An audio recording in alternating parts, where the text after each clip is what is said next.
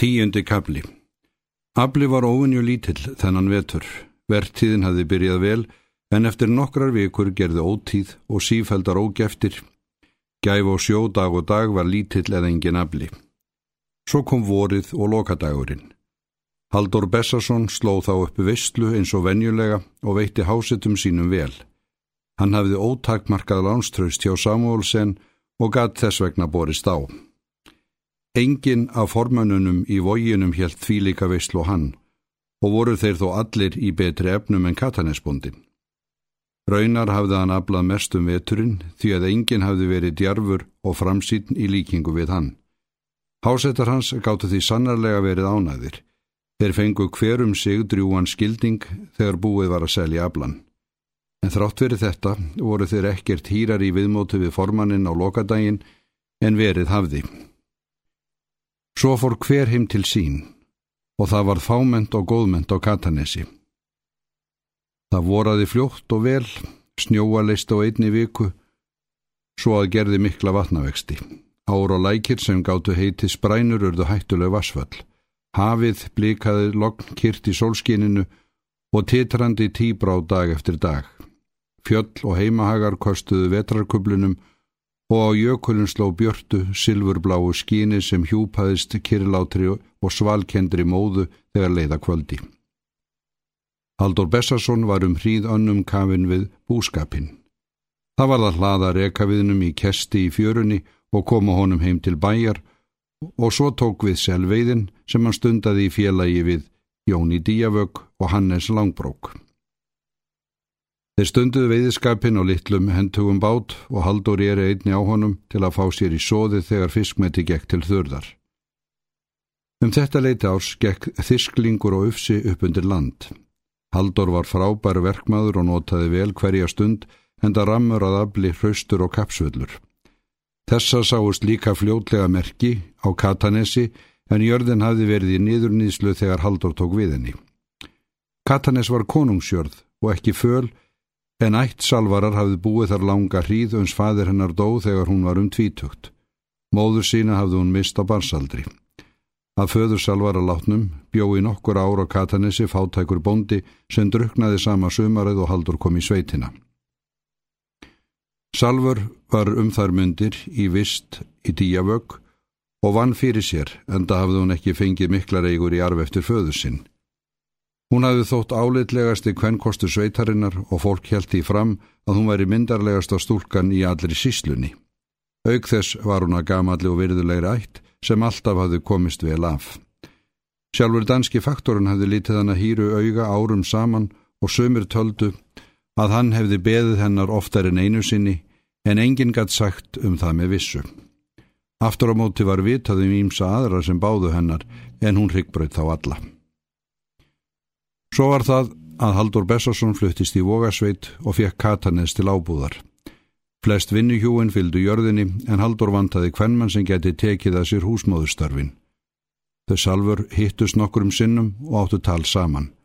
Og einn góðan veðurdag bar svo frétt um sveitina að salfur Jónatansdóttir væri orðin ráðskona hjá þessum aðfluttar norlendingi sem þá þegar var farin að nexla fólk með frjálsmannlegri og nýstárlegri framkomi sinni. Haldur reyri til fiskjar á bátkænunni snemma morguns og sunnudegi. Veður var stilt og hlýtt, svo að hann reyri allangt undan landi. Nokkra franskar skútur voru á þessum slóðum og skipferjarnir á þeim heldu heilagt. Víðáttu mikill hafið var speil stett svo langt sem augað eigði. Hiti var mikill þegar litið var til lands, þaði gráleitan eim upp úr tjörnum og flóum og öll tún voru yðja græn. Snjórin var horfin af sléttlendi og hlýðum, aðeins á stökustad í giljum og gljúrum sáust enn auðlitir skablar sem minkuðu dag frá degi. Hvítir fjárhópar dreifðust um bleikarænar hlýðarnar og hestar og kýr voru á beiti milli ásana á allíðandi mýrlendinu. Lækjafjöldin var enn æslafengin eftir vorleysingarnar og áinn sem fjall í hafið austan við vógin byltist fram í foskvítum streng.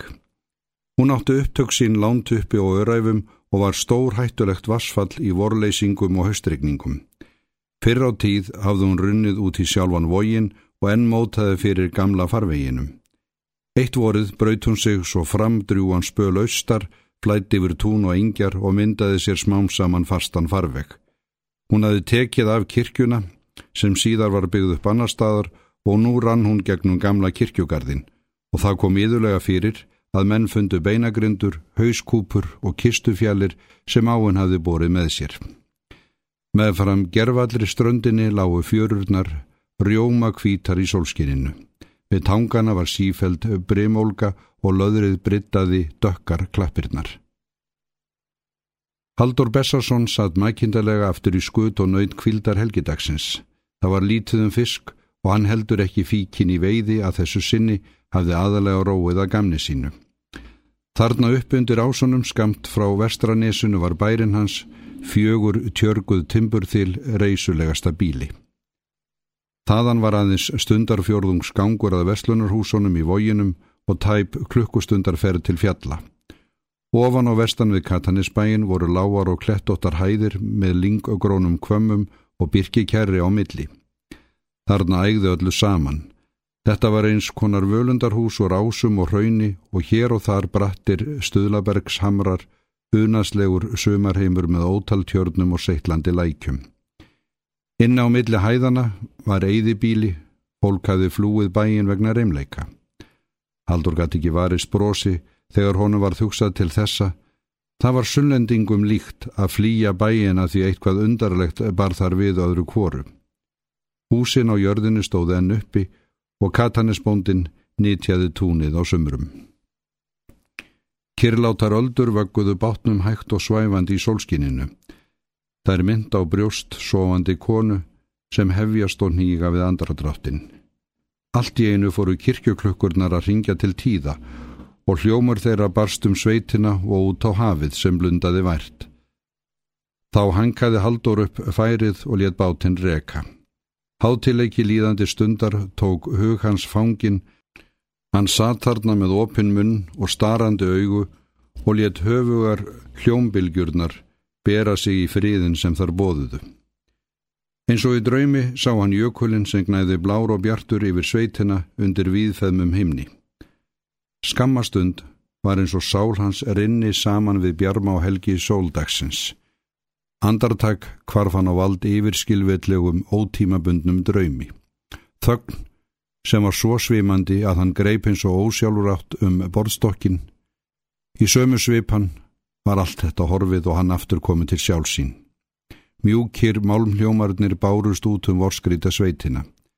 Hann leitt aftur í áttina til jökulsins og nú streymdi undraljómi snæbröðunar inn í sálhans. Flætti um hann eins og í æsku. En þetta helst aðeins andar tak, svo hrökkan við og myndist þess að hann var eðrófi. Síðan horði hann út yfir hafið en hugsanir hans sveimuð eins og blindir fugglar um óskiljanlega ráðgátur tilverunar í dulkendri undrun. Hann tók ekki eftir því hver hljótt var þegar klukkurnar þögnuðu. Smá saman skaut óljósri hardneski upp í huga hans og svipurinn var þörkulegur. Skömmu síðar heyrða hann nýtt hljóð. Hann snýri sér við og hlustaði frá sér numinn. Hljóði hlaut að koma frá fransku skútonum. Haldur Bessarsson hafði aldrei heyrti leikið á strengja hljóðfæri áður og honum fannst þetta tákn og stórmerki.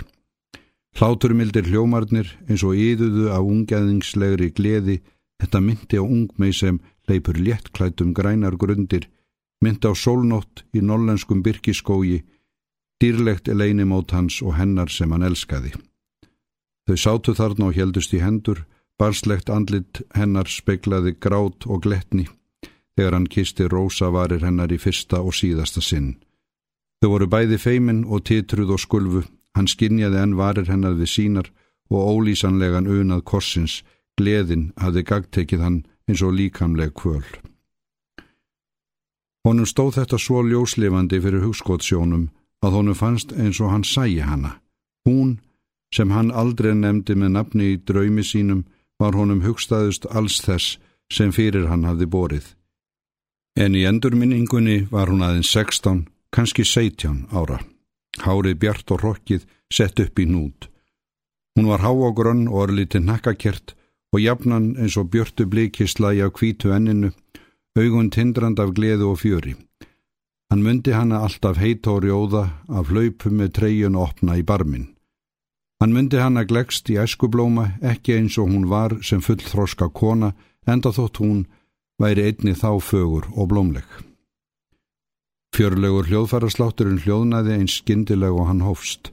Gráleitt skídró fyrir sólu, svalur andvari straukstum andlit hans og gáraði blíkandi haflutinn. Þá reysa hann allt í einn og fætur, sló hnefanum í þóttuna. Nú hafði hann vikum saman strýtt við óró og bligðun, háð vonlausa og lamandi baróttu við sjálfan sig, því skildi hér með lokið. Hann elskaði ekki salvuru, myndi aldrei elska hana. Það var Marja sem hann elskaði, hún myndi hann á konuna sem hann forðu munni. Honum hafði auðnast um skeið að deyfa þrá sína eftir þeirri hamingun sem lífið hafði kent honum að krefjast. Marja hafði vakið hann til nýs lífs og nú var hún orðin afl sem bar sjálfan hann ofurliði. Þetta hugarstríð hans var áranguslaust og nú skildi því lokið. Hann hafði gert salvuru hræðilegan órétt sem aldrei myndi hægt að bæta fyrir. Slíkt var einstæmi jætt hans, forföður hans, hafði allir verið skildurækið og sómakert fólk. En hann gati ekki annað. Þetta var fyrirfram ákveðið. Það varð svonað vera. Hann hefði ekki átt að vera svo gálaus að afsala sér jörðinni nyrðra.